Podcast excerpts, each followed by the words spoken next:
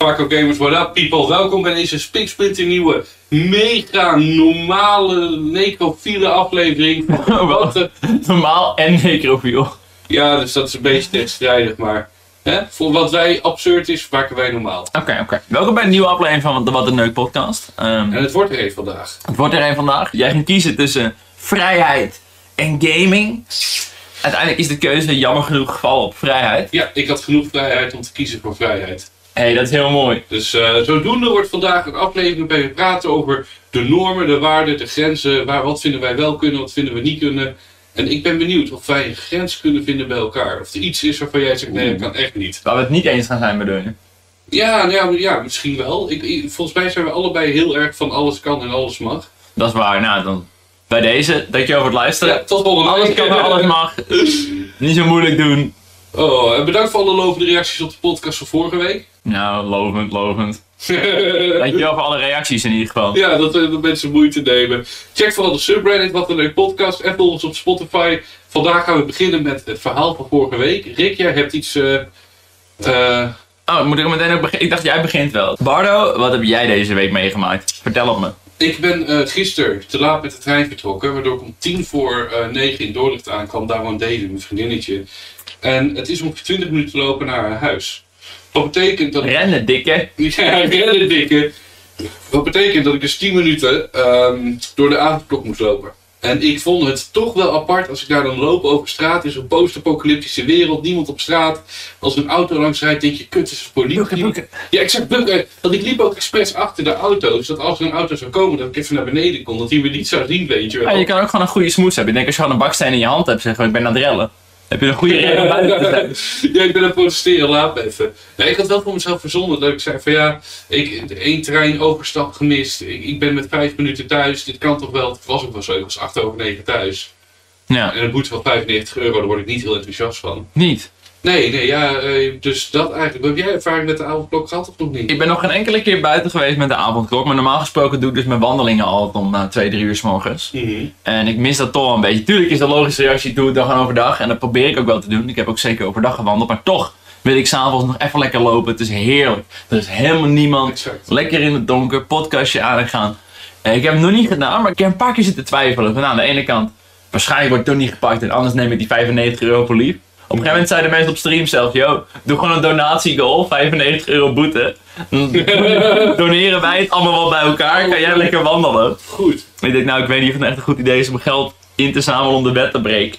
Dat is Ja, wel ik- grappig. Ik weet niet hoe blij ze daarvan worden bij eh, Twitch. Nee, bij Twitch zijn ze niet heel erg fan van wet te breken. Eh, Zijn ze wel enthousiast over je gokstreams eigenlijk? Of? Zeer enthousiast. Nou, gokken is eigenlijk ook illegaal in Nederland. Online gokken mag in Nederland eigenlijk alleen bij Toto. Oh, serieus? Dat is van de Nederlandse overheid. Ze hebben eigenlijk gezegd dat gokken op buitenlandse sites gewoon verboden is in het algemeen. Maar ik geloof dat het in 2021 ging veranderen. Oké. Want het ding is nu vooral dat iedereen zit alsnog op Unibet. Ja. En omdat het dus verboden is, dan ben je net zoals met drugs. Eh, als jij eh, pillen koopt, betaal je daar geen belasting over, want het is al verboden. Precies. Dus als ik online ga gokken en ik win daar dikke money mee, hoef je daar ook geen belasting over te betalen. Waar je dat Mm. in Nederland, als je met Toto dikke money wint, moet je daar wel belasting over betalen. Maar doet Twitch Nederland daar niet moeilijk over als distributieplatform uitzendt? Blijkbaar niet. Dan nergens last van gehad. Wat heerlijk man. Ja, voor Maar het is, ook, het is ook redelijk geaccepteerd. Iedereen in Nederland heeft gewoon Toto. De overheid is niet bezig met mensen actief beboeten die erop zitten. Dus in dat opzicht. Ook achteraan en nee, logisch. Ja. Maar even terugkomen bij je avondklokkie. ja? Ik heb dus wel een paar keer zitten twijfelen om gewoon eh, te doen wat ik ook eh, die Tim Snappy zag doen in zijn Insta-story. Ik ben in principe, ik vind het woord ondernemer altijd een beetje vies. Aangezien ik vind ondernemer moet risico's nemen. Hebben we eerder wel eens besproken geloof ik. Ja. Dat AliExpress dropshipping telt niet als ondernemen. Nee. En gewoon heel veel pandjes kopen en ze verhuren is ook gewoon flauw. is te makkelijk. is geen ondernemen. Je moet daadwerkelijk een idee hebben en daar een beetje voor werken. Eh, dus ik vind YouTube video's maken en podcastje doen niet echt per se ondernemen, want dat is ook geen risico. Nee. Het risico is dat niemand luistert en dan is het een beetje sneu. Dat is zonder kwaliteit, maar je verdient je geld ergens aan. Maar ik ben technisch gezien ondernemer, dus ik zou in principe gewoon voor mezelf een werkgever klein kunnen schrijven. En dan kun je gewoon gaan en staan waar je wilt. En dan is alleen de vraag, wat is mijn reden? Ik kan dan zeggen, ja nee, ik werk de rest van de dag en ik wil toch wandelen. Is dat een goede reden om op straat te zijn? Ja, nee, niet echt. Dat mag ook voor medische noodgevallen, zeg ik. Nou, het is voor mijn mentale gezondheid. Het is best medisch. Eh, best goed dat ik buiten ben. En maar weet je wat grappig is, vind ik dan weer? eh, in het kader ook van vrijheden inperken, is dit de ultieme inperking die we hebben gehad, denk ik. Ja, ja, nee, Eh, het stomme is dat ik heb nu natuurlijk daily en vanochtend ook, zij moet dan werken om 4 uur. En dan ben ik dus wakker van 4 uur s ochtends tot aan nu. En ik merk gewoon dat 8 uur s avonds is mijn nieuwe 3 uur s'nachts, zeg maar. Oh, je hebt gewoon je schema gewoon geflipt. Exact, die is gewoon helemaal getwist. Als ik nu wakker word, dan ga jij, sluit jij je stream in één keer af. Oké. Dus ik te kijken en denk ik, oh ja, kut, ik heb het gemist. Als 420 die tweet ik ook echt in de vroege morgen nu. Oh, ik wist het helemaal niet. Ik kwam dus vandaag om 10 uur s morgens langs. En toen belde ik je gisteren al van, is dat niet te vroeg voor je? Ik dacht, je bent gaan pitten. Maar we hadden gewoon wel 9 uur kunnen doen dus eigenlijk. Het had op zich gekund. Ja, je bent gewoon wakker. Ik was om 9 uur, ging naar de Albert Heijn, lekker frikadelbroodjes halen, drie stuks, misselijk jongen. Wow. Geen goed ontbijt ook. eh. Nee, dat jammer dat je er zo achter moet komen, maar het is geen goed ontbijt. Eh, VMBO, hè, dat is praktijk. De vier in de theorie. Ik heb je ook een blikje Red Bull zien drinken, in dat opzicht. Ja, dat is echt, eh nou, niet eens drinken, dat is gewoon zo ah, denk ik weg. Je knijpt hem zo in één keer uit. Zo Maar om terugkomen terugkomen bij die avondklok. Ja. Kijk, het ding is, aan de ene kant voel ik me wel een soort eh free rebel. Heb ik al zoiets van, fuck it, ik ga gewoon de straat op. Kom maar door met die boete. Ook een beetje vrijheidsstrijder. Eh, het ding is gewoon een beetje, dat voelt gewoon zo stom. Want ik ga mijn eentje een wandeling maken. Niemand krijgt hier corona van. Het enige geval waarin ik corona zou kunnen krijgen op een gegeven moment is als er een agent naast me komt staan om me een boete te geven. Ja. Maar ik snap ook wel weer dat als ik dan wel mag lopen, dan zeg je, jij mag wel gewoon een wandeling maken. Dan kun je alles gewoon weer doen. Dan kun je gewoon naar een feestje gaan, dan loop je gewoon naar huis. Eh, dus ik snap, ik snap, zeg maar, dat ja, dan ben je net zoals als je vissen vangt. Ik heb wel eens op zo'n garnalenboot gezeten. Als je garnalen vangt, vang je ook gewoon een aantal krabben. Die gaan ook gewoon mee in je net. En dat is gewoon jammer. Maar ja, dat is nou eenmaal gewoon hoe vissen werkt. Ja, weet, weet je, het stomme is, want ik wil net als jou heel stoer zeggen, ja, boeit me niet. En zo sta ik er ook in, maar gisteren toen ik 9 uur de klok hoorde, toen voelde het toch een beetje alsof ik een koekje pakte uit, uit de koekjestrommel. Weet je, toch die spanning voelde, dat je denkt, oeh, ik mag nu niet meer op straat, zeg ik doe iets wat niet mag. En toen, toen die inging, zeiden ook heel veel mensen van ja, het wordt toch niet goed genoeg gehandhaafd, boeien. Maar ik denk dat ook vooral het echt die sociale controle is. Jij voelt je meteen bekeken. Als jij op straat loopt en er rijdt een auto langs, denkt die auto meteen van ja, wat de fuck is die gast aan het doen? Exact. Dus nee, maar dat is het grappige denk ik ook met vrijheden. Als je iets ontneemt bij iemand, ook al is het zo simpel als na 9 uur niet meer naar buiten. Je voelt je wel meteen vies als je het eh, Ik dan toch doet. Ik, ik, ben een boefje, ik doe iets wat niet mag, weet je wel. Ik ben ook heel erg benieuwd hoe dat gaat zijn als op een gegeven moment de anderhalve meter weg is. Of je dan ook opeens vies voelt als je iemand een knuffel geeft op een hand. Oh ja, ik ben benieuwd. Of je dan eh, anders erin gaat staan. Ik heb toevallig eh, in de afgelopen jaar, denk ik, ja, net iets korter dan een jaar, heb ik, heb ik één keer iemand een hand gegeven. Ik kan niet eh, de exacte eh, omstandigheden uitleggen, Mhm. maar het was nogal een soort ja, afscheid. En die persoon stond erop om, me dan, om het netjes af te sluiten om me een hand te geven. Oh, echt waar? Dat vond ik toch wel heel fijn of zo. Maar toch van, dit is belangrijker dan dat. Ik was mijn handen zo weer. Wel goed afscheid. Niet Ja, was, was een mooi afscheid op die manier. Oh wauw, wat lachen ouwe. Of nou, lachen. Ja, boy! Het is een beetje alsof je opa doodgaat en dat je hem dan op zijn sterfbed nog even een kusje op zijn voorhoofd geeft. Zo van, hey, lachen man.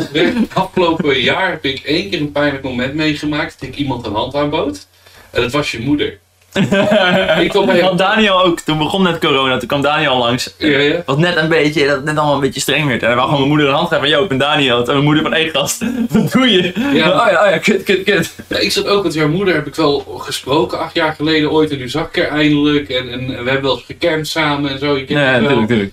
En ja, dan sta je daar en zeg ik, hé, hey, ik ben Paul, ook kut. En dan deed ik wel een kutzooi. denk je toch jammer. Ik merk wel meteen twee verhalen rondom corona en mijn moeder. Ik snap wel in één keer hoe ze eraan gekomen is. ja, ja, ja. maar ik heb toen ook geen hand gegeven. nou, dat is een vieze grap. Nou, we kunnen meteen even door naar mijn eh, verhaal van de week. ja, want wat heb jij mee? Weet je, voor de duidelijkheid mensen. Dit is alles wat ik weet. Ik liep net, ik zat hier vijf minuten. Ik wacht op Rick. Ik loop de woonkamer in. Ik zeg, Rick, wat doe je nou? En ik zie Rick met zijn telefoon wegspringen bij Davy. En ja, iets vertellen. En ik weet niet wat het is. Ik ben nu zo benieuwd. Wat ik afgelopen week heb gedaan. Mhm. Ik volg sinds afgelopen week het Instagram-account Meer voor Mannen.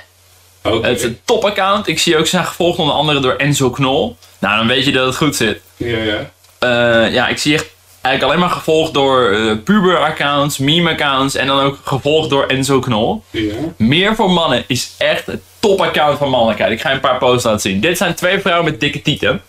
Gevolgd door een filmpje van een Audi die hard wegrijdt met een gillende motor.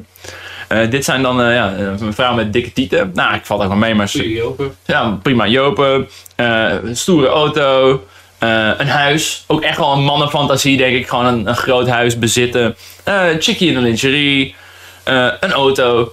Oké. Nou, ik vind het gewoon een eh, prachtig iets dat mannelijkheid op Instagram zo simpel is. Gewoon een Instagram-account alleen maar voor foto's van auto's, foto's van tieten. En dat heeft gewoon 257.000 volgers, waaronder Enzo Knol. Serieus? Dit is de mannelijke fantasie. Dikke tieten, dikke wagens. Ik vind het top dat in 2021 de man nog steeds zo simpel is. Bier, tieten, rijden. Ik ben zo benieuwd hoe dit verhaal verder heen gaat. En dit is mijn feministische rant. Dat ik het nog steeds zo flauw vind dat mannelijkheid gewoon is kijken naar lekkere wijven op Instagram. Oh, dat is het ook. Oké. Dat, dat was het. Waar, waar is de link voor de mensen Nou, ik liet dus al die foto's zien. Ja. En ik wilde nog niet dat jij het zag. Want hè, dan was het onderwerp gespoild. En er staan best wel wat sexy vrouwen bij. Ik bedoel, kijk je naar. Dat is een lekker kontje hoor. Ja, god, Meer voor mannen, dankjewel. Ik had deze foto nooit zelf kunnen vinden. is 40% beeld. Dus ik liet dit aan, eh, aan eh, Bardo's vriendin zien. Ik zei, nou, dit eh, mag Bardo nog niet zien. Ik zei, nou mag Bardo sowieso niet zien. Haha. Zo, dat zei zij. ik zei dat voor de grap, dat, dat je vriendin super jaloers is en zo. En toen zei ze, nee, nee, ik ben niet zo jaloers. Ik heb zijn pornofolder ook al gevonden. Nou, dus de dat- echte expose is Bardo heeft een pornofolder. Jongens, mag ik even. Het is ook mezelf dubbel exposed. Ik hoop niet dat mijn vriendin het hoort, dan heb ik een probleem. De kinderpornofolder. Het is zo, ik vond dus, ik heb mijn hele harde schijf verorderd. Ik zat net met Rick keer door mijn harde schijf te gaan. Heeft echt alle, Bardo bewaart echt alles, hè. Echt Ik- Banjo Town shit uit 2013, hij heeft het gewoon. ik, ik heb dus de map die ik heb laten zien, die kwam ik dus tegen. Dat is een mapje, eh, Memories staat die hier. Dat is een map uit 2000 zoveel. Maar zie daar het mapje oma, daar zit de goede shit in. Daar zit de goede shit in. Dan wil ik het zien ook. Nou, moet je, nou, nou wil ik erin ook. Oh ja, dit is, god, ik weet niet. Open, oh, nee, niet, niet, niet Swedish Amateur Homemade. Ik wil, ik wil Amateur Teen Selfies, 3000 pics. Ja, maar dit is dus. Het is wel echt heel amateur zeg, Ja, maar jeetje. dit is ook allemaal welk jaar zal het zijn, want dit is echt eh Deze, 2000. deze chicks hebben allemaal kinderen ondertussen, joh. Ze zijn, al- ze zijn ondertussen allemaal milfs. Het zullen niet mensen zijn die een opleiding hebben afgerond. hè? Ja, ik wil even een beetje naar beneden, dat is Oké, meer, meer, even sorry, meer. Sorry, eh, Het zijn meer. allemaal van die spiegelfoto's met van die duckfaces. Dan een beetje van die... Ja, het zijn met name heel veel gothic emo. Dat was Ja, het is echt, echt een beetje van die emo-selfies. Dit is wel... eh, Kunnen, we niet voor de podcast nu wel je vriendin erbij halen? Mijn vriendin komt ook ieder moment... dat is natuurlijk. We zijn de podcast aan het opnemen. Dit is echt op zo. Dit is, dit is eigenlijk een beetje het nieuwe seizoen 3 niveau van de podcast wat we nodig hebben. Wat wij hebben zijn zeg maar ook allemaal mensen. Het zijn echt niet per se hele mooie vrouwen een telefoon bij haar ook. Echt nog een flipphone. Er zit een flipphone en ze staan ook echt heel stoer met de tieten uit de blouse. Vriendinnen onze vriendinnen lopen over de gang zo. Die denken wat er gebeurt hier. Ehm, ja, want Billy is ook biseksueel, toch? Ja, dat kan allemaal wel. Oh, dat Dus is... we kunnen wel gewoon even laten...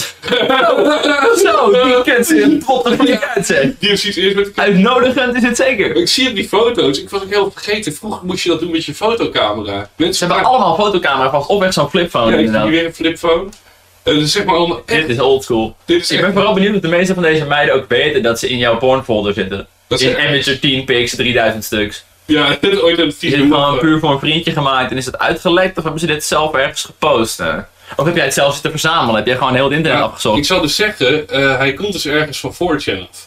Oh, dankjewel Ja. 4chan. Daar, die hebben ooit zo'n map samengesteld. Maar is dit, is dit echt de enige pornfolder die je hebt samen met Swedish Amateur? Ja, dat is echt de enige. Dat is echt eh, voor de noodzaak. Dat, eh, het echt, als het internet echt nog een keer voor altijd wegvalt, heb je altijd deze nog. Maar jij, heb jij helemaal niks dan 0,0? Ik heb echt geen pornfolder. Ik had vroeger eh, op mijn mobiel had ik gewoon een paar foto's opgeslagen en misschien een paar video's zelfs.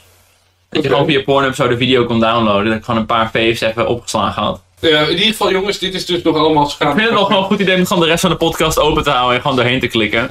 Gewoon rustig, jongens. Ja, ik oh, Dit is in principe. Het zijn ook geen, geen medelelijke dames of zo. Het zijn... Nou, deze wel. De- dit is wel echt, eh poeh. Ik niet hoe jij in deze, deze chick is ook gewoon echt minimaal 40. Ik niet hoe ze in de Ambiter 10 folder terecht is Weet je gekomen. wat opvalt bij deze foto? Er staat niet boven, eh, dit is geliked door Paul Goudsmit. Nou, dit, is wel- dit weet dat Paul zo lijkt op Twitter, ja. 100%. Dat zie ik tegenwoordig op Twitter nu de hele tijd. Als je Paul volgt op Twitter, Kinglord, hij liked allemaal foto's van halfnaakte vrouwen en pornstars en zo. Er zijn nu geruchten dat hij de porno ingaat inderdaad. Maar gaat hij het ook doen? Dat is de vraag. Nee, voor mij gaat hij, eh, ik denk dat Wendy gewoon een keer geschaard wordt of zo op een filmpje en dat je dan een tientje moet betalen of zo. Ja, maar, oh, dus hij gaat wel... Oké, dus op die manier de porno. Misschien, dat is mijn, mijn gokkie hoor. Denk je dat zijn kinderen daar populair van worden op school? Nou, er is zo'n meme dat je zo'n jochie zo tegen zo'n kluisje geduwd zit door een penskop zo. Tell your mom to post more ass pics on OnlyFans. Oh, dit is al de tweede aflevering van seizoen 3 die we hebben over OnlyFans. Nee, ja, de OnlyFans link ook meteen weer op. Ja, daarom. Dit is eh geen OnlyFans begin eigenlijk. Als Ik vind het wel echt een mooi folder. Ik ben blij dat je dit wel bewaard hebt. Het is ook een stukje cultuur of zo. Dit is ook cultuur.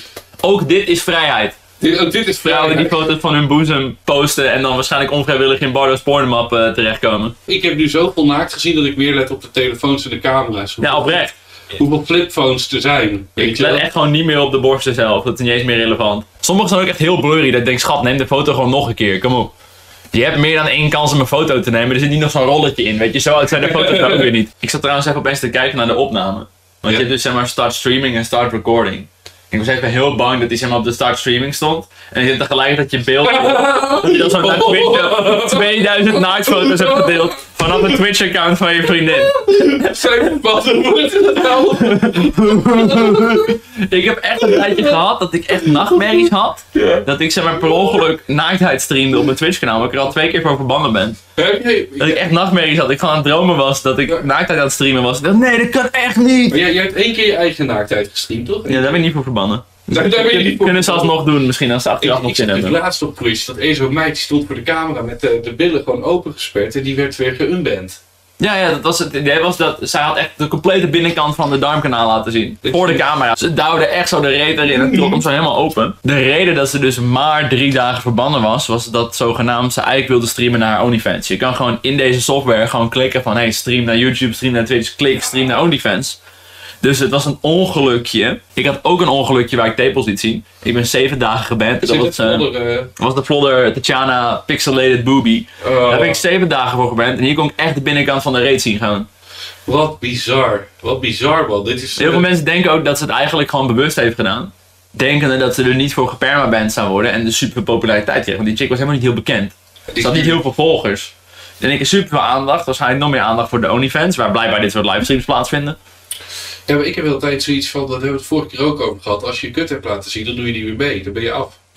Nou, als je maar mij laat zien, gaat alles prima. Dan krijg je gewoon een duim omhoog en een tientje. Ja, ik trouw wel- Heb jij dat gedaan? Ben je lid van OnlyFans ooit? Nee. Nee, nee, nee. Nee, ik wil gewoon dat je in het echt gewoon je kut aan me laat zien. Dus aankomende YouTube Gathering, jongens, bij de fanmeeting. Ik weet nog niet eh, per se of ik kom eigenlijk. Ga je naar de YouTube gathering? Ja, je moet Ja, wel. Je bent ben- al sinds de eerste Weet natuurlijk. je, het is alleen Ilko en ik. Ilko is de organisator. Wij zijn de enige twee die bij elke gathering zijn geweest. Echt? Ja, voor de rest niemand. Dus eh, ik heb zoiets, dan moet ik het ook ik- Ja, het was vooral jammer dat ik zat ermee te kijken wie er komen. En het was vooral, we hebben Enzo Knol, waarschijnlijk wordt er gewoon flink voor betaald. Natuurlijk. En we hebben half TikTok. Ik denk, ja, godverdomme, het wordt meer een fucking TikTok-gathering op dit punt dan een YouTube-gathering. Zo, ik vond het fucking cool trouwens dat Enzo meedeed in je stream. Moet jij er niet heen om Enzo even te ontmoeten? Dat je zegt, hey Enzo.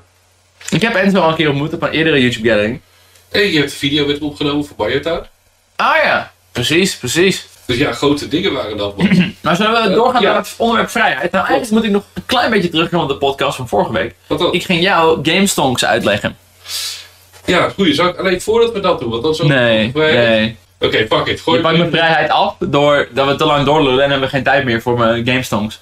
Maar ik kan een mooi bruggetje leggen met vrijheid. Ik ben toevallig een paar weken terug begonnen met beleggen. En een van de manieren waarop ik er een beetje ingerold ben, is wat ze noemen FIRE. Ja. Ik weet niet of je er bekend mee bent. Nee. Subreddit Dutch FIRE. FIRE staat voor Financial Independence Retire Early. En het zijn echte vrijheidsstrijders. Het zijn allemaal vooral jongeren, twintigers die gigantisch veel geld sparen. Allemaal beleggen in aandelen. En het idee is dan dat jij rond je 40ste, rond je 50ste, heb je dusdanig veel geld gespaard. Dat je gewoon nooit meer hoeft te werken en gewoon puur kan leven van de rendementen van je obligaties en je aandelen en dat soort dingen. Dus het idee is gewoon echt sparen, sparen, sparen, sparen. Eerder met pensioen. Ja. En dan dus vrijheid. Het is een beetje net zoals die bullshit dropshippers. Is eh, digital nomad. Toch op een gegeven moment als je gewoon een vaste inkomen hebt met niks doen. Dan ben je klaar in het leven en dan ben je vrij. Ja. Toch? Of gewoon een rijke papi is een beetje hetzelfde verhaal. Ja. Het is gewoon beargumenteerbaar wel waar. Dat als je gewoon geld hebt waar je vrij weinig hoeft te doen. kun je gewoon lekker doen in je leven wat je wil. Ja. Ik denk dat veel mensen ja, toch voor een gevoel een stuk vrijheid kwijt zijn. Omdat ze gewoon iedere dag moeten werken. En als je niet kan opdagen word je ontslagen. En dan heb je geen geld. En dan wordt je huis uitgeklikkerd. En dan moet je onder een brug wonen. Dus in dat opzicht eh, valt wel te argumenteren dat op het moment dat je 40 uur per week moet werken, want je hebt niet echt een keus, dat je niet heel vrij bent. Ja. Maar het probleem wat ik een beetje merk op die subreddit is dat heel veel mensen nemen het veel te serieus, joh. Wat ze heel vaak doen is dan delen ze een overzicht van hun uitgaven. Van ik betaal zoveel huur, zoveel boodschappen. Maar echt mensen die gewoon leven van 60 euro boodschappen per maand. Dat is 2 euro per dag, hè. Dat is ontbijt, middageten en avondeten. Je denkt, gast, eet jij alleen maar droge rijst? Ja. En dat is dan puur omdat ze dan meer kunnen sparen en eerder met pensioen kunnen gaan. Ik denk, oké, leuk dat je op je 40ste met pensioen kan gaan in plaats van je 45ste. Maar als je tot je 40ste leeft van nul genot, omdat je alleen maar bezig bent met sparen, wat hou je er dan echt nog uit? Ja, precies. In ieder geval, niet heel relevant. Ik was begonnen met aandelen.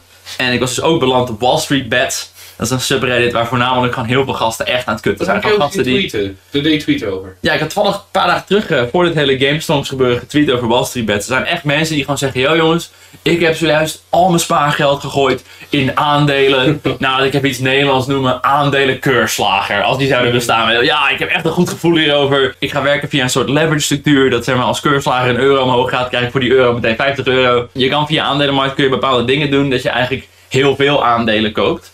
En dat gaat goed, zolang ze maar niet dusdanig dalen dat er tegen een verschil ontstaat dat je niet kan lappen. Dat is met mar- margin trading noemen ze dat. En dat is eigenlijk een beetje wat er bij, bij GameStop is gebeurd. Het idee is het volgende. Je kan een aandeel shorten. Ik denk dat je bekend bent met shorten, The Big Short. Een hele bekende film. Het idee is eigenlijk, als je iets short, dan krijg je het aandeel te leen en je verkoopt het meteen. Dus stel, ik heb een bananenfabriek en jij zegt, yo Rick, ik wil 10 bananen van een tientje. Die verkoop je meteen. Dan heb je 100 euro. Want je gaat ervan uit dat eh, over een paar dagen zijn de bananen 9 euro per stuk. Dan koop je ze weer terug. Voor 90 euro heb je 10 winst. Ja, logisch. In principe kan zo'n aandeel alleen maar naar nul toe. Mhm. Dus de hoeveelheid winst die je echt kan pakken is beperkt. Dus huidige prijs tot nul is je maximale winst. Maar je maximale verlies, als die eigenlijk omhoog gaat, is oneindig. Ja.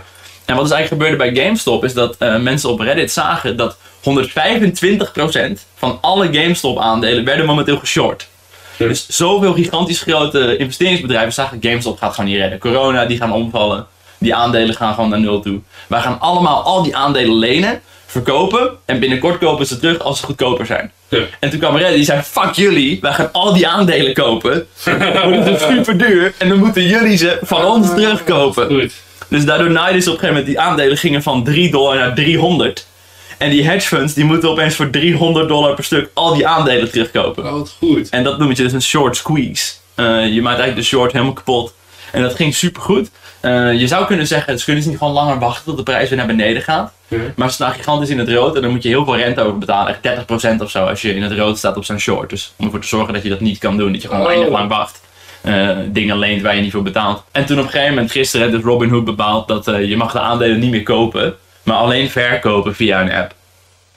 Oké, waarom dat dan? Nou, dan kun je dus niet de prijs omhoog drijven. Maar als je de aandelen hebt, kun je de prijs wel naar beneden halen. Oh, wauw. En toen zeiden ze, hé, maar dit is marktmanipulatie. Ja. Toen hebben we het heel Robinhood uh, gereviewbomd de tering in. Want hey, Robinhood zegt letterlijk, het hele idee van Robinhood is stil van de rijken, geef aan de armen. Ja. Op dit moment wordt er daadwerkelijk gestolen van de rijken door gewoon helemaal te kutten en misbruik te maken van Ja. de aandelenmarkt. Dus zegt ze, maar dat is niet de bedoeling.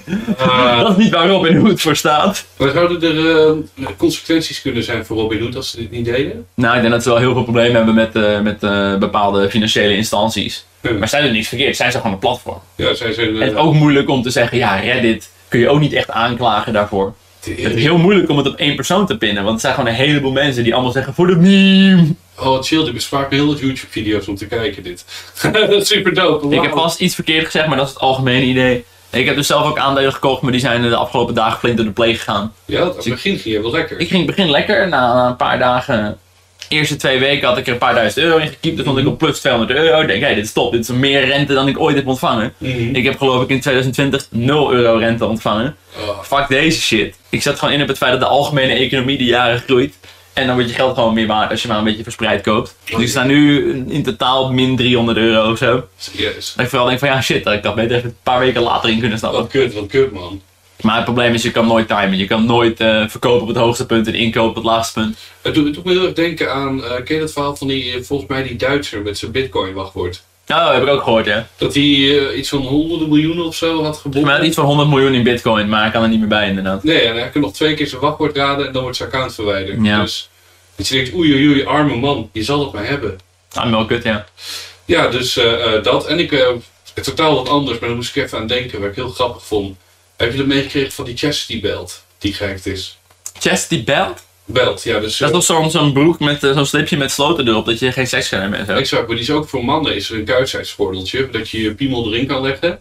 En dat je dus kan kijken hoe je vriendin geneukt wordt of, of dat je vriendin... Oh, voor, voor, de- voor, ja, dat is wat, wat jij altijd doet. Ja, ja. Ja, precies. Zo zit ik hier nu ook met mijn kuisheidsvordeltje. Ja, oké. Het is dus zo dat die kuisheidsgordeltjes, er is dus een paar jaar geleden een eh, distributeur geweest, die heeft er elektriciteit bij gedaan. Dus dan kun je, Kun je digitaal besturen. kun je schokjes krijgen, je kan... kun je ook op afstand misschien. Met corona kan iemand zo op afstand je kuisheidsgordel activeren. exact, alleen nu is het grappige, Er is een hacker geweest, die heeft dat bedrijf gehackt. En die heeft dus, eh, op iedereen die dat ding om had, heeft hij een bericht gestuurd van Your dick is mine now.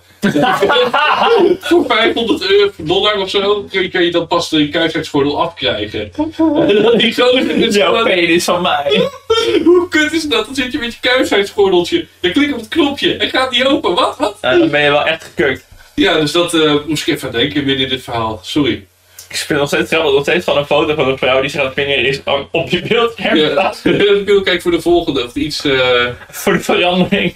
Kijk, dit zijn nu vijf dames die samen zijn. Nou, ik vind het 4,5. Die ene staat echt, zie alleen de hand. dat is Er is ook zeker. een, iets op het toilet, wat is dat?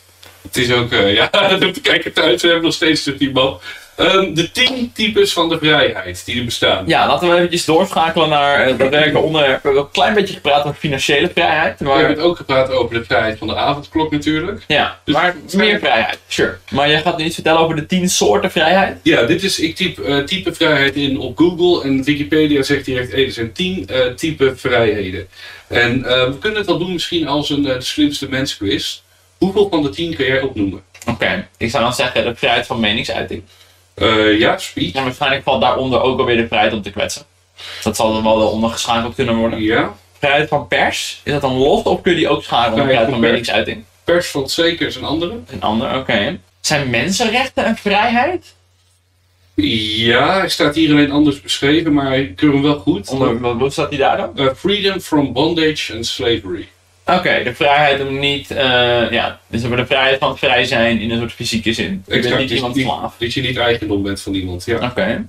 Is er een vrijheid van informatie? ja dat valt onder press natuurlijk. Ja. Ehm, Nou, er is trouwens wel een andere vorm van informatie. En dat is dan educatie. Die geef ik je ook wel gewoon. kunnen. oh ja, iedereen hoort toegang te hebben tot educatie. Dat zit je nu op Dat is toch vier. een vrijheid, Ga ja. ik je nu niet meer eh, zo ver helpen. Vind je de vrijheid van zelfbeschikking, dat je met jouw lichaam mag doen wat je wil? Bijvoorbeeld ook abortus en eh, tatoeages. Hij staat hier anders, maar to express oneself. Ik keur hem goed. Oh, de vrijheid van expressie, ja. Ja. Ik of abortus per se, dit is mijn persoonlijkheid. Ja, weet je wel, dat je, je kan doen met jezelf wat je Ja. wil. Als je daar weer je reet wil steken, dan doe je dat. Dat doe ik zeker. Eh, ik ruik hem niet, het is wel de volgende keer. Dit is echt heel daar. Oké. Eh, vijf heb je er, van de tien. Mm, Ik zie er hier nog één of twee tussen staan. die wel voor, voor grabs zijn. Ja, die je wel kan hebben. Die is ook eerst nog voor... eh, Uh, je zou misschien zeggen recht op privacy, maar ik weet niet in hoeverre dat een vrijheid is. Hij staat hier niet tussen. Nee, het, ik denk dat het echt meer een vrijheid wordt. Zal ik je... eh, ja, het is Ja, lees er maar gewoon op. Eh, freedom of association. Dus als jij samen met z'n allen een vakbond wil beginnen of wat dan ook, heb je Ah, daar ja. vrijheid voor. Maar dat valt dan daar bijvoorbeeld ook homohuwelijk onder? Is het ook associatie? Je associeert je met een man als partner? Wat, eh, ook kun je naar echt- het Nederlands vertalen anders gewoon even via Wikipedia? Eh, Gewoon linksboven, daarop klikken. Dan zo het Nederlands. oh, ik kan zo'n vrijheid van vergadering. De vrijheid van Ah, vergadering ook wel de vrijheid van vergadering en betoging. Bijvoorbeeld ook eh, het feit dat je mag demonstreren. Wat ons is afgepakt trouwens. Exact, het, eh, ja. Ik vond het wel echt een beetje in deze coronatijd irritant dat dan sommige demonstraties wel doorgaan en andere niet. Dat ik denk, hè, wie bepaalt dat? Je hebt opeens iemand die mag bepalen of je deze vrijheid wel of niet krijgt. Nou is het probleem met die coronademo's, los van het geweld en zo, dat ze ook geen anderhalve meter afstand houden. Dus dan is het eigenlijk een beetje de gezondheid Mhm. van die mensen daar versus eh, de vrijheid eh, om samen te komen. Een heel goed voorbeeld daarvan is bijvoorbeeld ook een beetje vergelijkbaar is bijvoorbeeld eh, heroïne doen. Aan de ene kant mijn lichaam, mijn keuze. Als ik een spuit heroïne in mijn arm wil zetten, moet dat gewoon kunnen. Maar de overheid heeft zoiets van, nee maar gast, je bent echt een sukkel en dan ga je verslaafd worden en dan kun je niet meer lekker denken. Dus misschien moeten we jou beschermen voordat je dat doet. De zorg staat. eh, Dat vraag is dan een beetje waar daar de grens bij ligt met drugs. Persoonlijk denk ik dat als een drug niet heel veel schade doet, dat je gewoon sowieso het recht zou moeten hebben om die te gebruiken. Bijvoorbeeld legaliseren van wiet. Wat Ja, zelfs in Nederland zijn die helemaal goed gefixt dat moet gewoon heel snel gebeuren. Aan de andere kant, ook daar zijn psychologische gevolgen. Er zijn echt wel mensen die verslaafd zijn aan wietroken. Geen commentaar. Volgende is eh, vrijheid van geloof. Oh, die! Ja, ja, Ja. ja. dat is een andere vrijheid van religie. Dat is weer Is dat anders? Zijn dat twee losse? Eh, hoe ga ik nu? Geloof is de mentale toestand waarin iemand niet weet, maar ervan uitgaat dat een aanname waar is. CQ de propositie of premisse onwaar is. In de epische Jezus Christus. Oftewel, Ah, gezeik. je je mag dus lekker denken dat de aarde plat is. Dat mag je denken, Dat ja. mag je Dan denken. kunnen ze je niet afpakken. Dat is de vrijheid eh, van geloof. En ik zal direct de vrijheid van religie erbij pakken, dat we die ook eh, aan kunnen leggen. Godsvrijheid ook ook vrijheid van godsdienst, vrijheid of religie, uh, is een van de klassieke grondrechten. Het houdt in dat men de vrijheid heeft om zelf te kiezen om tot een godsdienst toe te treden en deze te beleiden en te beoefenen. Je moet echt meteen denken gewoon aan de, aan de pastafari. Vliegende spaghetti monster.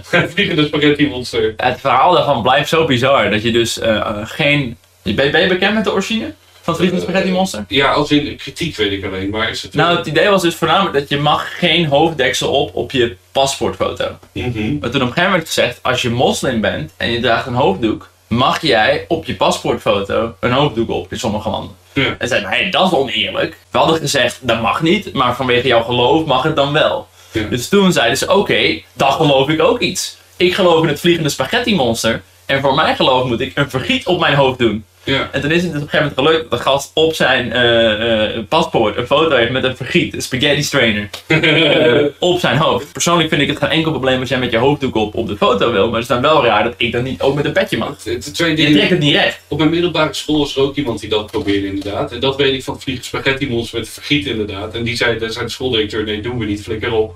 En het grappige is een beetje, op de tweede plek, uh, het is in principe net als met uh, de, de bijeenkomsten in de kerk nu, van de coronaregels. Ja, is dat die een uitzondering zijn opeens. Exact. Het is niet dat corona denkt van, oh nee, dit is een kerk, daar ga ik niet naar binnen. Je kan je kerk shit ook gewoon via Zoom doen, toch? Fuck af. Exact. Volgende van de lijst, anders tik je Ja. me niet goed af. Uh, vrijheid van nationaliteit. Dat je van nationaliteit mag wisselen. Ja. Dat je dus En ook een beetje idee dat je gaan en mag staan waar je wil natuurlijk. de relatieverhouding die jij hebt met de staat. Je kan eigenlijk niet zeggen, yo, je mag het land niet in, want je komt uit land X. Uh, Geen ja, Nederlanders in België, bij wijze van spreken. in principe, dus dan mag je overal komen, overal zijn waar je maar wil. En de allerlaatste is, uh, however, uh, the civil rights constitution of each country have different definitions of the freedoms that are allowed by the citizens. Wat is de laatste? ja, het gaat gewoon over de wetgeving. Maar hoe heet die? In het Nederlands. Ja, dit is, ik, moet ik op welk van de vier wil je daar klik? Oh, dat, de laatste is niet echt een freedom of, het is gewoon een soort however. Nee, voor mij is de laatste gewoon, ja, er zijn ook andere vrijheden of iets in die richting. Ja, het gaat hier basically de laatste zin die hier Dat staat. is eigenlijk geen, dat, dat is er eigenlijk geen. Er zijn eigenlijk maar negen. Ja, het laatste wat hier staat, de laatste zin. Meer ik ook hier- Het is, eh, vaak zijn er argumenten over gevoerd dat eh, wetten de beperkingen leggen op de vrijheid, eh, aangezien het limieten legt op wat de mens kan doen. Dus daarvoor is die laatste om niet te veel wetten te krijgen dat de mens zo vrij kan blijven. Oh, de vrijheid van niet-vrijheidsbeperking. Eigenlijk wel de vrijheid tegen de constitutionele waarden. Oké. Wat is heel raar. Dus dat zijn de tien vormen van vrijheden. Welke heb jij het belangrijkste? Hm, Ik zou zelf direct eigenlijk gaan voor geen slaaf zijn. Ja, dat is ook wel. ik, ik zou zelf dus neigen naar expression van self of speech. Ja, ik ben in principe heel erg voor vrijheid van meningsuiting, maar ja, als je vrijheid van meningsuiting hebt terwijl je een slaaf bent, heb ik toch, toch liever dat ik geen slaaf ben. Ben je dan liever een vrij man terwijl je niet mag zeggen wat je denkt? En dat je niet mag zijn wie je wil zijn? Ja, ik denk het wel. Liever dan dat ik eh, een slaaf ben en dat ik mijn haar geen kleurtje kan doen. Ja, ja dan sta je inderdaad. Toch wel een primaire levensbehoefte dat ik in die zin vrij ben. Anders ben je eigenlijk nog van de Albert Heijn twee vakken te vullen, maar je hebt wel een mening. Je kan wel zeggen, eh, corona bestaat niet en de aarde is plat. Ja, heb je die vrijheid. Ja, Oké, true. Dat is in principe het allerbelangrijkste is die vrijheid dan om. eh, Maar ja, ervan uitgaan dat ik zelf geen slaaf ben en dat slaven niet bestaan. eh, ik bedoel, je hebt gezien hoe die stadions in Qatar gebouwd worden. Ja, precies. Er zijn gewoon 10.000 Noord-Koreanen verkocht van hier, heb ze, huppakee. Veel plezier ermee. Ja, het is voor jou. Eh, en in ieder geval wat ik zo interessant vond, waarom ik het ook echt over vrijheid wil hebben, is dat dit nu een rare tijd is eh, om hè, voor de vrijheden. Ik weet, vijf, het is vijf, zes jaar geleden met Charlie Hebdo, die aanslagen toen. Wat vind jij? Mag, mag je Mohammed tekenen, de, de profeet van. Ja, natuurlijk mag je gaan tekenen. zijn er gevolgen voor jezelf? Nou ja, ik denk dat dat toch een beetje is. Uiteindelijk is het ook een soort vrijheid om beledigd te zijn. Ja. Sommige mensen hebben een beetje het idee dat vrijheid van meningsuiting ook meteen betekent dat iedereen ervan moet slikken. Jij mag best een mening hebben en iemand mag best gewoon daarna zeggen: hé hey, gast, hou je teringbek. Ja. Eh, maar om het nou met geweld op te lossen is natuurlijk niet helemaal de oplossing. Maar is, is beledigd zijn, is dat een keuze? Ik denk dat beledigd zijn wel een keuze is, ja. Ja, dat. eh, Misschien dat het bij sommige mensen op de automatische piloot staat. Ja. Wat denk hier ook wel een klein beetje het geval is. Ja. Misschien wel recent natuurlijk met eh, die onthoofding van die geschiedenisleraar. ja, dat is verschrikkelijk. Echt verschrikkelijk. Eh, wordt, is het dan zo dat mensen geconditioneerd worden om sommige dingen. Oké, ik heb bijvoorbeeld heel erg met die Black Lives Matter protesten. oh nee, oh nee. Ja, sorry. Ik, ik, Oh nee. Ik hoor van mensen dan, en het is verschrikkelijk om te horen, dat mensen opgroeien met het idee van dit moet je niet doen bij de politie, pas hiermee op en hier. Ja, ja. Alleen als je dat gaat doen, dan val je ook meer op bij de politie, omdat je je anders gedraagt dan bij de politie. Nou, het zijn voornamelijk dingen zoals als ze zeggen doe je handen omhoog, doe je handen ook echt omhoog. Anders gaan ze zeggen dat je een pistool probeert te pakken en knallen ze in hier. En dat is toch ook een beetje gewoon common sense, dat als de politie iets zegt... Ja, dat moet je wel aanbrengen. Ik weet, een van mijn familieleden, die heeft ooit eens een keer heel hard staan klagen, terwijl hij gesommeerd was door de politie om het plein in Deventer te verlaten, ging hij een patatje halen op dat plein in Deventer. En daarna is hij getackeld door de politie, in de Ja. cel geflikkerd. Nou, misschien wel een beter voorbeeld is die chick met dat waterkanon de afgelopen week. Wat was er met haar dan? Wat was Ik heb haar... het meegekregen bij, de, bij die Ik heb rellen. het gezien. Dat was een chick die kreeg zo vol een waterkanon tegen de hals. Die is zo hard eh, eigenlijk tegen eh, een bouwwerk aangeknald dat ze de schedel gebroken heeft. Oeh. Dat was nu niet heel netjes. Uiteindelijk was dat ook niet wat de overheid probeerde te doen. Ze hebben een waterkanon om mensen gewoon weg te jagen. Dus tuurlijk is het een beetje buitenproportioneel geweld achteraf. Maar ze had gewoon op moeten rotten, toch? Ze maar- gewoon weg. Weet je wat het is? Dat is hetzelfde met vrijheid van protest en de Capitol riots. Als je die Capitol riots ziet, eh, op de eerste dag, en die werden heel erg vergeleken met Black Lives Matter, van waarom gaat de politie niet in en zo? Ik heb dat zoiets bij mezelf. Als je dat ziet op de eerste dag, snap ik dat de politie niet ingrijpt. Als je daarna een tweede dag die rellen hebt, of die Capitol riots of Black Lives Matter, dan associeer je jezelf met zo'n slechte groep op dat moment. Nou, dat was wel best wel een verschil. Black Lives Matter was oorspronkelijk heel erg eh, vredig. En hier kwamen ze eh, langs soldaten het kapitool binnenvallen. En Op een gegeven moet je gewoon zeggen, yo, als jij voorbij deze lijn loopt, knal ik je gewoon in je kop, ja, dus blijf daarachter. Blijf achter de lijn. Bij Black Lives Matter zie je op een gegeven moment in het nieuws dat winkels in de fik staan, dat overal paniek is. En als je dan nog bij jezelf denkt, ik wil tussen die groep gaan lopen, dan plaats je Nou, ik, denk dat we nu een hele andere discussie zijn gestart. dan vanwege- wordt het weer dat er... Het is weer vanwege die vrouw. Die vrouw bevindt zich... op- Er waren toen ook heel veel beelden dat gewoon witte mensen die helemaal tegen Black Lives Matter waren, gewoon stenen door ruiten gingen gooien. Natuurlijk. Er zijn ook heel veel verhalen van, dat je sommige mensen ook denken wat in Nederland gebeurt, is dat je politieagenten in burger hebt. En die gaan dan juist geweld gebruiken, zodat je als overheid een excuus hebt om het protest te stoppen. Ja, Dus je hebt gewoon een vredig protest en dan komt gewoon een agent in burger die gooit de molotov en dan kan de politie iedereen neermappen. ja, exact. Een beetje dat idee. Laat ik het anders vragen anders. Want in het verlengde hiervan, wat vind je van Trump die van Twitter is verbannen? Soort strijd vind ik een hele moeilijke inderdaad. Eh, vooral omdat hij zo'n belangrijk persoon is. Mhm. Aan de ene kant moet je dat gewoon glad trekken, toch? Dan worden ook andere mensen van social media verbannen. Mhm. eh, voor soortgelijke dingen. Ja. Dus waarom zou je die dan wel verbannen en zou je als president opeens een free pass krijgen? Aan de andere kant is het bizar dat een fucking social media platform hem verwijdert, de fucking president van Amerika. En dan zijn er weer mensen die zeggen, ja, maar het is Twitter, hun regels. Vergelijkbare dingen worden ook een beetje gezegd wanneer dingen van YouTube verwijderd worden. Verder ga je dan lekker op een andere website zitten. Op een gegeven moment moet je gewoon accepteren, iedereen kijkt video's op YouTube. Op het moment dat YouTube gaat bepalen wat politiek wel en niet op hun site mag, dat wordt gewoon censuur op een gegeven moment. Als een platform te groot is, Ja? dan is het niet meer fair om te zeggen, nou dan ga je maar op een ander platform zitten. Dat is gewoon censuur. Nou, mee eens. Wat ik jou kan aanraden is een interview. Ken je Ted Cruz? De Amerikaanse... Ja, ik ben wel bekend met Teddy. Ja, Teddy is dus, die heeft interviews gedaan ongeveer een half jaar geleden. Toen Twitter begon met het flaggen van tweets van Trump. Van dit is misschien foutieve informatie. En het punt is een beetje, wat Ted Cruz zei, daar heeft hij heel erg gelijk in. Wat, ben, wat wil je zijn als platform? Ben jij een platform wat enkel tweets van anderen distributeert? Of ben jij een publisher? En als jij publisher bent, dan moet je inderdaad die kanttekening bij Trump zetten. Maar dan moet je ook bij veel meer dingen die kanttekeningen gaan zetten natuurlijk. Het is wel raar dat je alleen bij Trump neerzet, hé, dit klopt misschien niet. Exact, want dan, of je bent een open platform, Ja. dat dan sta je alles toe, dan ben je gewoon een YouTube.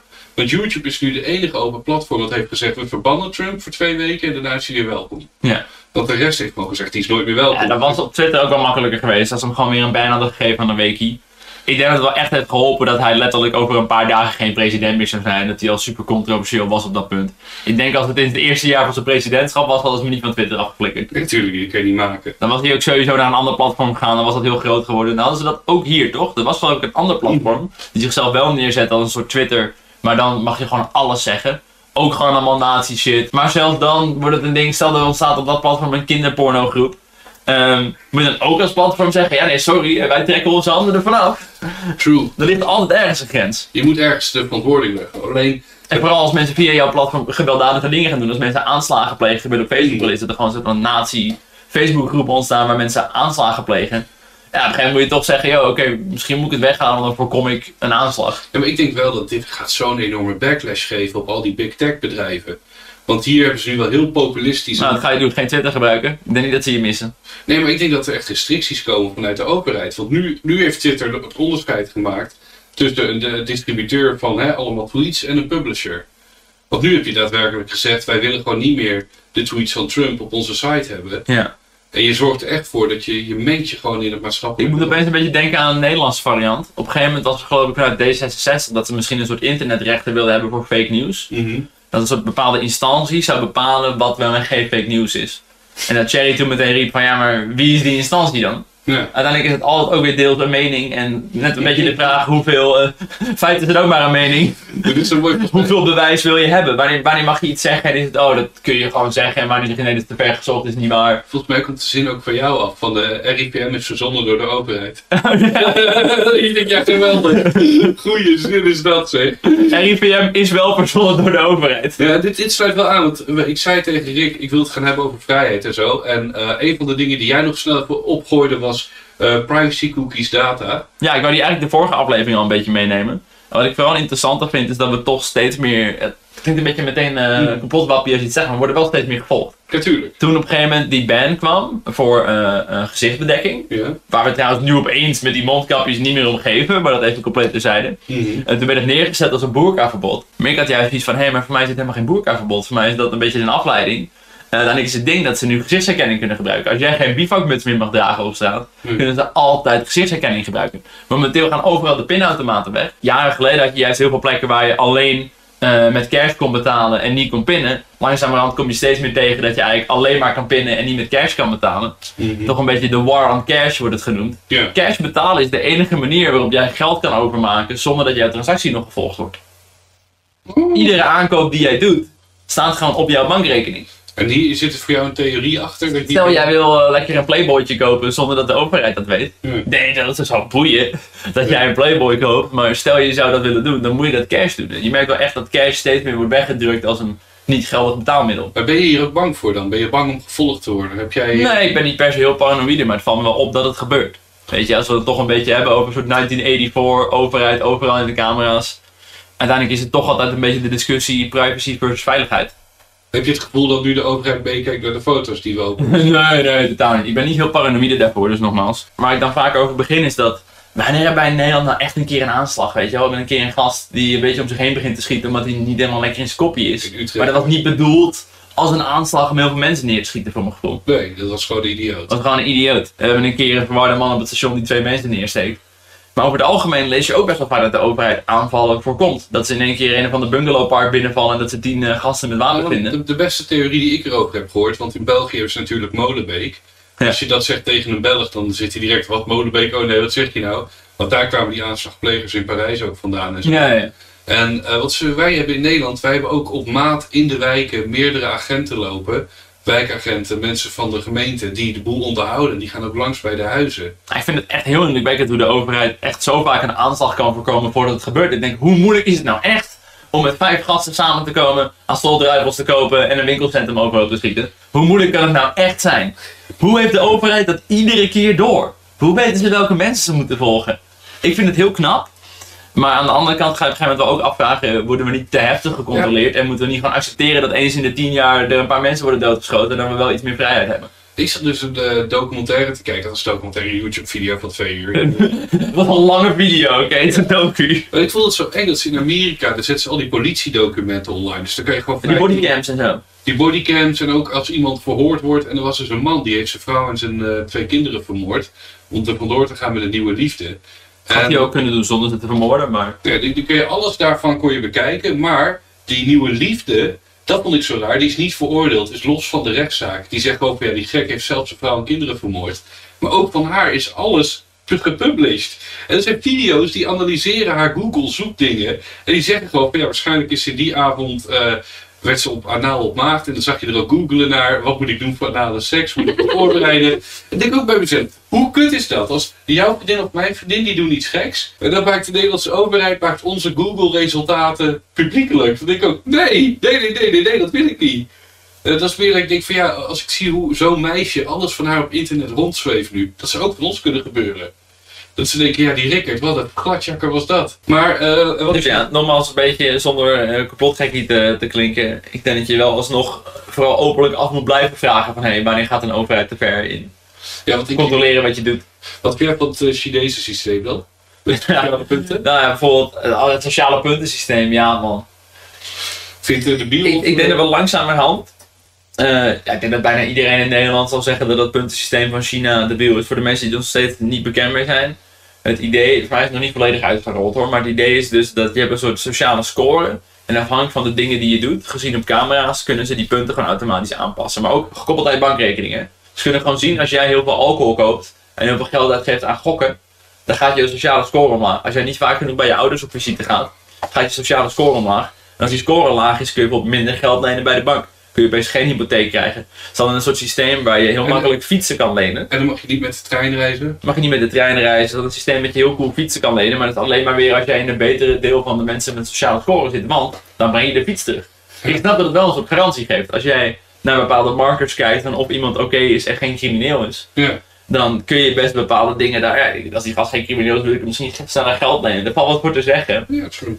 Alleen ja, het is toch een beetje lijp dat alles wat je doet eh, eh, bekeken wordt. Maar dan krijg je ook natuurlijk weer, eh, je niks te verbergen, toch? Hoezo maakt het uit dat de overheid op jouw computer zit? Jij hebt geen kinderporno erop staan. Kijk, Ze zijn kinderporno aan het zoeken, dus wat maakt jou het uit? Het mooie vond ik altijd, Boris van GameKings, die zei dat ooit over Japan, dat ze het meest typerende aan Japan is het OV-chipkaartsysteem, want hun hebben er altijd de poortjes open. In Japan handelen ze eruit vertrouwen. Je reist niet zwart. Ah. En hier in Europa en Amerika, dicht. dicht. We denken dat je gaat zwart reizen, dus bewijs eerst dat je niet gaat zwart reizen. Dat vind ik interessant. En dat is het kuttige aan het systeem van China. Dat is gebaseerd op wantrouwen. We gaan er niet vanuit dat je het goed doet. Dus bewijs maar dat je het goed doet. Ja, dan krijg je ja, voordelen. Je moet iets hebben wat gebaseerd, wat gebaseerd is op vertrouwen. Dat hebben we nu Ik eigenlijk. ben wel benieuwd of er nou meer mensen inchecken in Japan of in Nederland. Dat zou ik niet weten. Ik, ik, Ik was toen vooral net te parkeren hier en ik was aan het kutten met die parkeermeter. Ik dacht opeens, nou wat is nou echt de kans dat ik een parkeerboete krijg? fucking vrijdagochtend, het is lockdown, politie heeft betere dingen te doen. Mm. Je bent in fucking Dordrecht. Ik moet 6 euro betalen parkeren. Wat zal de parkeerboete zijn? 100 euro. Is het niet gewoon de moeite waard om het risico te nemen? Ja, dat vind ik dan weer Ik niet. zit dan toch in mijn hoofd een beetje te denken, ja, wat is de pakkans? Als ik weet dat de pakkans 1 op 20 is en de boete is 100 euro, dan is het voor mij, het kan technisch gezien 5 euro als ik het niet doe en ik moet 6 euro betalen om te parkeren. Ja. True, dat is grappig wat je zegt, want ik heb dat met de trein heel erg. We hebben het laatst ook over. Ja, ja, je schijnt wel in zwarte reizen. Ja, ik, dat heel soms. Als je goed oplet, dan. eh Mijn punt is, als je, Maar heb je je OV-chipkaart voor het laatst gebruikt? dit is eh, twee weken geleden nog. je zei gisteren nog dat je gisteren met de trein ging. Ja, gisteren hier met de trein. Maar ik heb al mijn chipkaart voor het laatst twee weken geleden gebruikt. Dus dat was je vraag. Ik heb gisteren met Ik hoop dat de overheid niet meeluistert. Weet je wat zo erg is? Het is nu bij de NS zo. Maar word je echt zo weinig gepakt dat het gewoon de moeite waard is voor jou goedkoper is om te al rijden? 100, 900, ik heb nu denk ik iets van 8 of 9 keer op rij gereisd. Zonder gecontroleerd te worden. Ja, je had één keer dat je naar mij toe kwam dat je wel gepakt was. Ja, ja, true. Maar dat, als je dat doorrekent, dan zou ja. een boete van 80 euro versus 9 reisjes, dat is minder dan 10 euro. Ja, ja, ja. Dikke Dus- tip, eh, chat. Of een dikke tip bij luisteren van de podcast. En het is ook zo nu eh, met de coronatijden, logisch. Ze kunnen wel Checken controleren. bijna niet, nee. Maar als jij corona Vooral als de hebt, trein ook vol zit altijd. Hè. Als de trein nokkie vol zit, kunnen ze er amper doorheen bewegen. Dan, dat, eh, dat nog niet eens, maar als jij corona hebt, keurig, keurig, hier heb je mijn kaartje. Ik pak je kaartje aan en ik pak alle kaarten voor iedereen aan. Ja, heeft de hele trein corona. Omdat die, over, omdat die conducteur alle kaartjes aan trein, pakken. corona, ja. Dus dat is niet handig. Maar dat in ieder geval eh, ook vrijheid. Vrijheid zoals dit, wat ik doe is niet goed. Dan zou je naar het Chinese systeem moeten, dat kost me heel veel sociale punten. maar wij handelen hier vanuit vertrouwen. Ik snap wel in één keer dat eh, de NS eh, zoiets heeft van ja, je moet inderdaad inchecken, anders dan krijg je mensen als Bardo. Je moet je het wel wat moeilijker maken om zwart te reizen. Ja, ik vind Misschien is het ook wel gewoon dat mensen in Japan zich ook gewoon beter gedragen. Dus dat het niet nodig is. Dat het een vrijheid is die je verdient. weet je het is? Ja, true. Want in Japan draait het ook om eer en geweten. Hè? Dus daar wel Exact. verstandig voor je familie. Als jouw familie erachter komt dat je zwart reist, dan... wordt Ik, ik me een beetje in de trein als iemand zo'n kaartje uit staat te schrijven. Dan denk ik toch, ah, jammer. Oh. Ja, boeien, ik pak dat ding aan en ik ga verder. En het he- hele ding is een beetje, ehm, denk ik dan, Dennis moet de boete hoger maken. Het was eerder 35 euro. Dus het weet of je crimineel bent, gepakt wordt, de in gaat, terugkomt het weer doet. Ja, sorry, je moet dezelfde afgaan omhoog. Ja, ik weet niet. Er wordt gewoon een logische overweging gemaakt dat- het is nu 50 euro en ik heb zoiets, maak het 150 euro. Want dan, Ja, dan dat is het ook niet meer interessant om te doen. Dat denk is wel ik. waar. Eh, maar dat is weer voor de, eh, het is straks geen tip. Niet doorsturen, dank je vriendelijk. Maar dan krijg je weer zo'n ding eh, van die ene gast daar weg met... Moet ik weer gaan stelen dan? is dit wat je wil, godverdomme? is het gewoon een systeem voor mensen die iets minder geld hebben om gewoon ja, makkelijk te kunnen reizen. Ze willen het niet per se van adverteren, maar ze hebben een soort speciaal kaartje voor mensen die eigenlijk niet met de trein kunnen. Het systeem is it's called smart rijden, look it up. En ik ben wel benieuwd over vrijheden gesproken. Nog twee vragen. Ehm, zou jij ooit, want ik heb hier bijvoorbeeld staan landen, reisvrijheid. Ik zou in mijn leven nog graag naar Noord-Korea willen. Ja? Ik zou best een attractie vinden om te voelen hoe het is om helemaal geen vrijheid te hebben. Dat je echt. Ja, En als toerist zal het denk ik al meevallen als jij gewoon geld hebt. Ja, ik denk niet dat je zomaar weg mag rennen van de groep. Je kan niet van de Nou, je mag natuurlijk sowieso, ik geloof, als, je, als ze merken dat je een camera mee naar binnen neemt, vooral qua pers is daar heel streng. Als je daar als journalist heen wil, moet je echt allemaal papieren hebben en vergunningen wat je daar komt doen. En dan krijg je ongeveer wel iemand naast je die de hele dag kijkt wat je aan het filmen bent. Zie, maar je moet niet gaan proberen om de straat over te rennen, drie blokken verder te filmen. Dat gaan ze niet leuk vinden. Nee, gaan ze niet leuk vinden. Maar zou jij heen willen naar Noord-Korea? Of is je Nou, vrijheid je... Ik denk dan juist omdat het zo ver weg is van mijn eigen fijne overheid, Mhm. dat ik me ook wel minder veilig voel of zo. Ja, maar daarom, daarom wil ik ook. Ik wil dat één keer voelen. Ik wil weten. Ja, maar ik ben ook wel bang dat ik daar de bak in gegooid word en dat ik op geen enkele manier eruit kan komen. Want dat soort vrijheid heb je ook niet. Toevallig in Nederland, eh, heel interessant, eh, iemand heeft levenslang gekregen. Een eh, man die heeft een keer in een woedeaanval in een of ander eh, café in Delft een heleboel mensen doodgeschoten. Die heeft levenslang gekregen en die is afgelopen week vrijgekomen. Wat? Want levenslang mag niet volgens de Europese wet. Oh, Je jee. mag niet uitzichtloos in de gevangenis zitten. Er moet altijd een uitzicht zijn dat je misschien vrij kan komen. En op een gegeven moment was hij gewoon uitgeprocedeerd. Er waren gewoon hele procedures van wat je moet doen, en welke stappen je moet doen, en welke formulieren. Op een gegeven moment had hij gewoon alles ingevuld. Hij was duidelijk gewoon een chille gast die normaal kon doen. Vanwege uitzichtloos lijden moeten we je op een gegeven moment gewoon vrijlaten. Je hebt alles gedaan, je hebt alle boxjes zijn gecheckt en hij is vorige week vrijgelaten. Hij is eh, vrijgekomen van levenslang. Serieus, ja. Want levenslang bestaat niet. Wat kut, wat raar. Het ik vind net met Volkert van de G, die hoort ook nog Het is bizar dat die gast eh, gewoon vrij is gekomen. Je denkt, na tien jaar mag hij rond. Je kan gewoon iemand doodmaken, die is voor altijd dood. En dan tien jaar de bak in gaat. Het is best een goede strategie als je nog vijanden hebt. eh. Ja, We moeten er niemand aan. Dit is geen eh, lange Frans podcast. Dit is geen lange Frans podcast, maar het is wel bizar dat je iemand gewoon met bewuste raden kan vermoorden. En dat je dan zelf niet de rest van je leven in de bak zit. Ik ben wel benieuwd voor de volgende, eh, die ik hier nog heb staan, is kunst. Vrijheid in de kunst. Ik denk niet dat we hoeven te, discussiëren over wat Ga lekker doen zin in hebt toch? Ik denk dat er vrij weinig mensen tegen vrijheid in de kunst zijn. Dan kom je alweer gauw bij beledigende cartoons uit en dat soort dingen. ik denken dat we het vooral niet hebben over kunst van anderen, want dan komen we inderdaad daar bij Mohammed en dergelijke, Charlie Hebdo. Laten we het hebben over ons ding. Heb jij het gevoel dat je alles mag doen op Twitch? Ah, kijk, dan kom je misschien weer eerder een beetje in de buurt van cancel culture bijvoorbeeld. Mhm. Zeg maar, in principe heb ik vrijheid om te doen en zeggen wat ik wil. Maar ik weet wel dat als ik bepaalde grenzen overga, dan eh, kan ik een heleboel mensen verliezen. Ja. Een tijdje geleden probeerde iemand mij te cancelen. Eh, ik had ooit, jaren geleden, dit was echt denk ik nou 2013 of zo, had ik een eh, fanmail aflevering gemaakt waar ik eh Zwarte Piet was. Ik had heel low budget make-up, dus dat was echt gewoon een schoensmeer. Ik was echt, het was echt, en dan had je nog die, die hele grote lippen die ik van mezelf al heb. Dus het leek echt gewoon perfect naar blackface. Ik was gewoon in blackface cadeautjes aan het openmaken. En ik wist toen nog niet eens van blackface. Mijn intentie was op geen enkele manier verkeerd. En ik had die video gehoord op nieuwe PC best ik doe blackface, cancel hem, cancel hem. En ik gast, dit was acht jaar geleden. Ik was toen nog minderjarig, je mag me niet eens voor cancelen. Oh, Jezus Christus. Maar zou jij nu elk idee wat je nu te binnen schiet uit kunnen voeren? Of heb je ideeën waarvan je denkt, ja kut, dit kan niet op Twitch. Dit. Nou ja, Twitch is sowieso gewoon heel streng. Twitch is gewoon heel duidelijk, als jij bepaalde dingen doet, dan kun je daar gewoon een ban voor krijgen. Ik, ik vind bijvoorbeeld, als mensen aan mij vragen, waarom zou ik Twitch minder mogen? Ik heb zoiets, op YouTube speel ik al jaren Bardolph zonder problemen. Nee, dat kun je Twitch niet doen. Als ik één keer daar ga zitten als Hitler, ben ik verbannen. Als jij op Twitch iets doet en je zet voor de grap een paar hakenkruisen neer, heel duidelijk voor de grap, zeggen ze nee, ik ben een haatzaai, ik ben een nazi. Dan denk ik, ja, je ziet toch heel duidelijk dat het een grapje is. Ja. Ik heb eh, een game eh, op Steam, echt top game, heet uh, Hentai Nazi. Het is een game waar je speelt als een anime character en je moet Hitler doodschieten. En als achtergrondmuziek hoor je dat Erika Duitse strijdlied. Best een grappige game, gewoon in de hoek van edgy, offensive. Het is heel duidelijk niet pro-Hitler. Wat goed. Maar ik heb die game uiteindelijk gespeeld op Twitch, maar ik heb wel zeg maar, het nazi-strijdlied uitgezet. Ik dacht wel dat ik wil wel zonder audio doen. Precies. Oh, wat goed. Nou ja, ik denk dat niemand echt beledigd zal zijn. Het is heel duidelijk dat ik geen nazi ben. Ik, nou, ik, ne- ik neem het juist een beetje op de hak. Ik zeg juist, haha, Hitler, wat een Je sukkel. bent wel risicomijdend aan het denken nog. Ik ben wel risicomijdend aan het denken en daarin beperk ik dan mijn, nou, ik zou het creativiteit durven noemen om nazi-muziek te luisteren, maar... Eh, nee, het grappige is, ik, ik ben het wel met je eens. Ik heb het gevoel dat wij allebei alles doen en willen wat we kunnen maken. Nou, niet altijd, dus blijkbaar.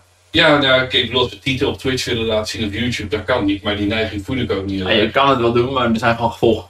Ja, true. Er zijn Dat is het ding. Het is net als bij met vrijheid van meningsuiting. Je kan iedere mening hebben, maar er kunnen gevolgen zijn op basis van de mening die je hebt. Ja, dan kun je soms beter je bek even houden. Maar ja, soms zijn die gevolgen wel een reden om het dan dus niet te doen. En dat is Net als dat je misschien een bepaalde mening hebt en dat je denkt, nee, dan vinden mensen me wappie. ik zit. Ik ben misschien wel tegen de avondklok, maar iedereen is voor bijvoorbeeld, dus dan eh, hou ik mijn bek erover. Het allerlaatste wat ik wil weten, en daar ben ik echt benieuwd naar. We hebben het hier over vrijheden, we hadden het net over beledigd zijn.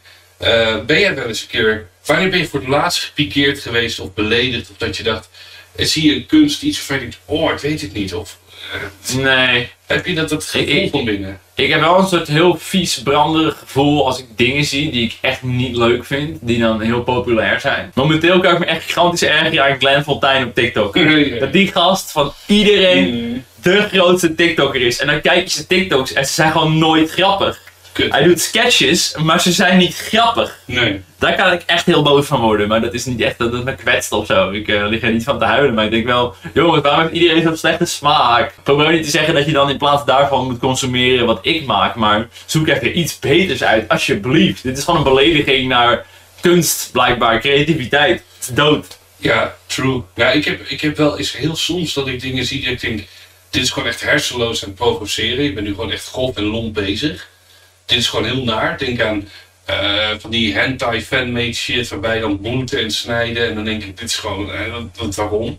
Waarom bestaat dit? Eh, nee, ik wil nog even heel kort inhaken op eh, dat beledigen en wanneer je gekwetst bent. Mhm. Waar ik wel heel slecht op ga, is eh, mensen die op het internet, ik denk ook op te provoceren, bijvoorbeeld eh, dieren heel veel kwaad aan doen. Mhm. Van die mensen die eh, met een knuppel op een hond inslaan en daar een filmpje van maken en dat delen of zo. Ja, Ik dat, weet niet onder welke vrijheid het valt, maar daar ga ik gewoon heel slecht op. ja, dat zijn dingen die... Ik die vind eh, het soms irritant dat ik mensen niet gewoon vanaf het internet in elkaar kan trappen. Is dat dat- ik achter kan komen waar ze wonen en dat ik ze flink pak slaag kan geven. ja, ik vind het een hele goeie, want dat is een ding waarbij je zegt, Bardo, als jij moet kiezen, is dat een vrijheid die iedereen wil nemen? Zou ik best wel ja willen zeggen eigenlijk. Maar dan wordt het ook alweer gauw, wat mag dan wel en wat niet. Exact, dan ben ik die, dan ben ik. Tuurlijk is het hond knuppelen tot hij bijna bloedens dood is niet oké. Eh, weet je, de, de kleine variant hiervan is, natuurlijk is Trump hartstikke irritant op Twitter. Over Trump? Ik had ook mijn honden doodslaan. Ja, nee, maar ik bedoel de kleine variant. Dus, dus Trump verbannen van Twitter is hartstikke lachen en ik snap je punt. Alleen, daarmee gaat Wie ga je dan nog meer bannen van Twitter? Exact. Dat is natuurlijk wel het ding. En als ik dan zeg, je mag nooit meer dieren mishandelen, wat volkomen terecht en logisch is, is dat wel de eerste stap naar, wat gaan we nog meer... En je mag ook geen dieren mishandelen, maar je snapt Is het op een gegeven moment ook eh, verboden als ik in een filmpje een eh, bloem uit de grond trek? Ja, of als, als, als ik in de stad woon, dat ik mensen tegen de muur zie pissen en ik verbied dat. Puur omdat het mij irriteert, weet je wel. Nou, ik zou pissen tegen de muur wel verbieden, is dat ik gewoon wil plassen. Ja, dat is ook verboden. Is je mag ook een- helemaal niks meer. Wat een kutland wonen wij, Rick. En dat mag je wel weer zeggen. Dat mag je zeker zeggen. Oh, wat denk jij? Komt er volgende week nog een derde aflevering van Zeven? Eh, ik weet niet, heb je nog tijd of zo de komende tijd? Ik heb nog wel tijd. Ben jij nog wel bij Den Bommel in de buurt? Nee, nee, denk niet meer naar mij toe moet komen. Nee, het moet Jullie, de trein is toch gratis voor jou. dat is waar, Schagen. Alleen, Schagen is tering ver, jongen. Ik weet het, Oh. ik weet het. Ik moet er zo meteen mee heen. Eigenlijk nu, ik heb een beetje haast. Oh, je hebt een beetje haast. Hoe laat heb je de bezichtiging? Over twee uur. Over twee uur. Oh, dat moeten we inderdaad eh, aanmaken. Dan gaan we tegen jullie zeggen bedankt voor het luisteren. Check de subreddit Wat een Leuk Podcast op Reddit. En klik op volgen op Spotify. Dan eh, krijg je nieuwe shit binnen. Volgende week aflevering Misschien volgende week aflevering 3 en anders zien we jullie in seizoen 4. Later! Hey, dag. yo.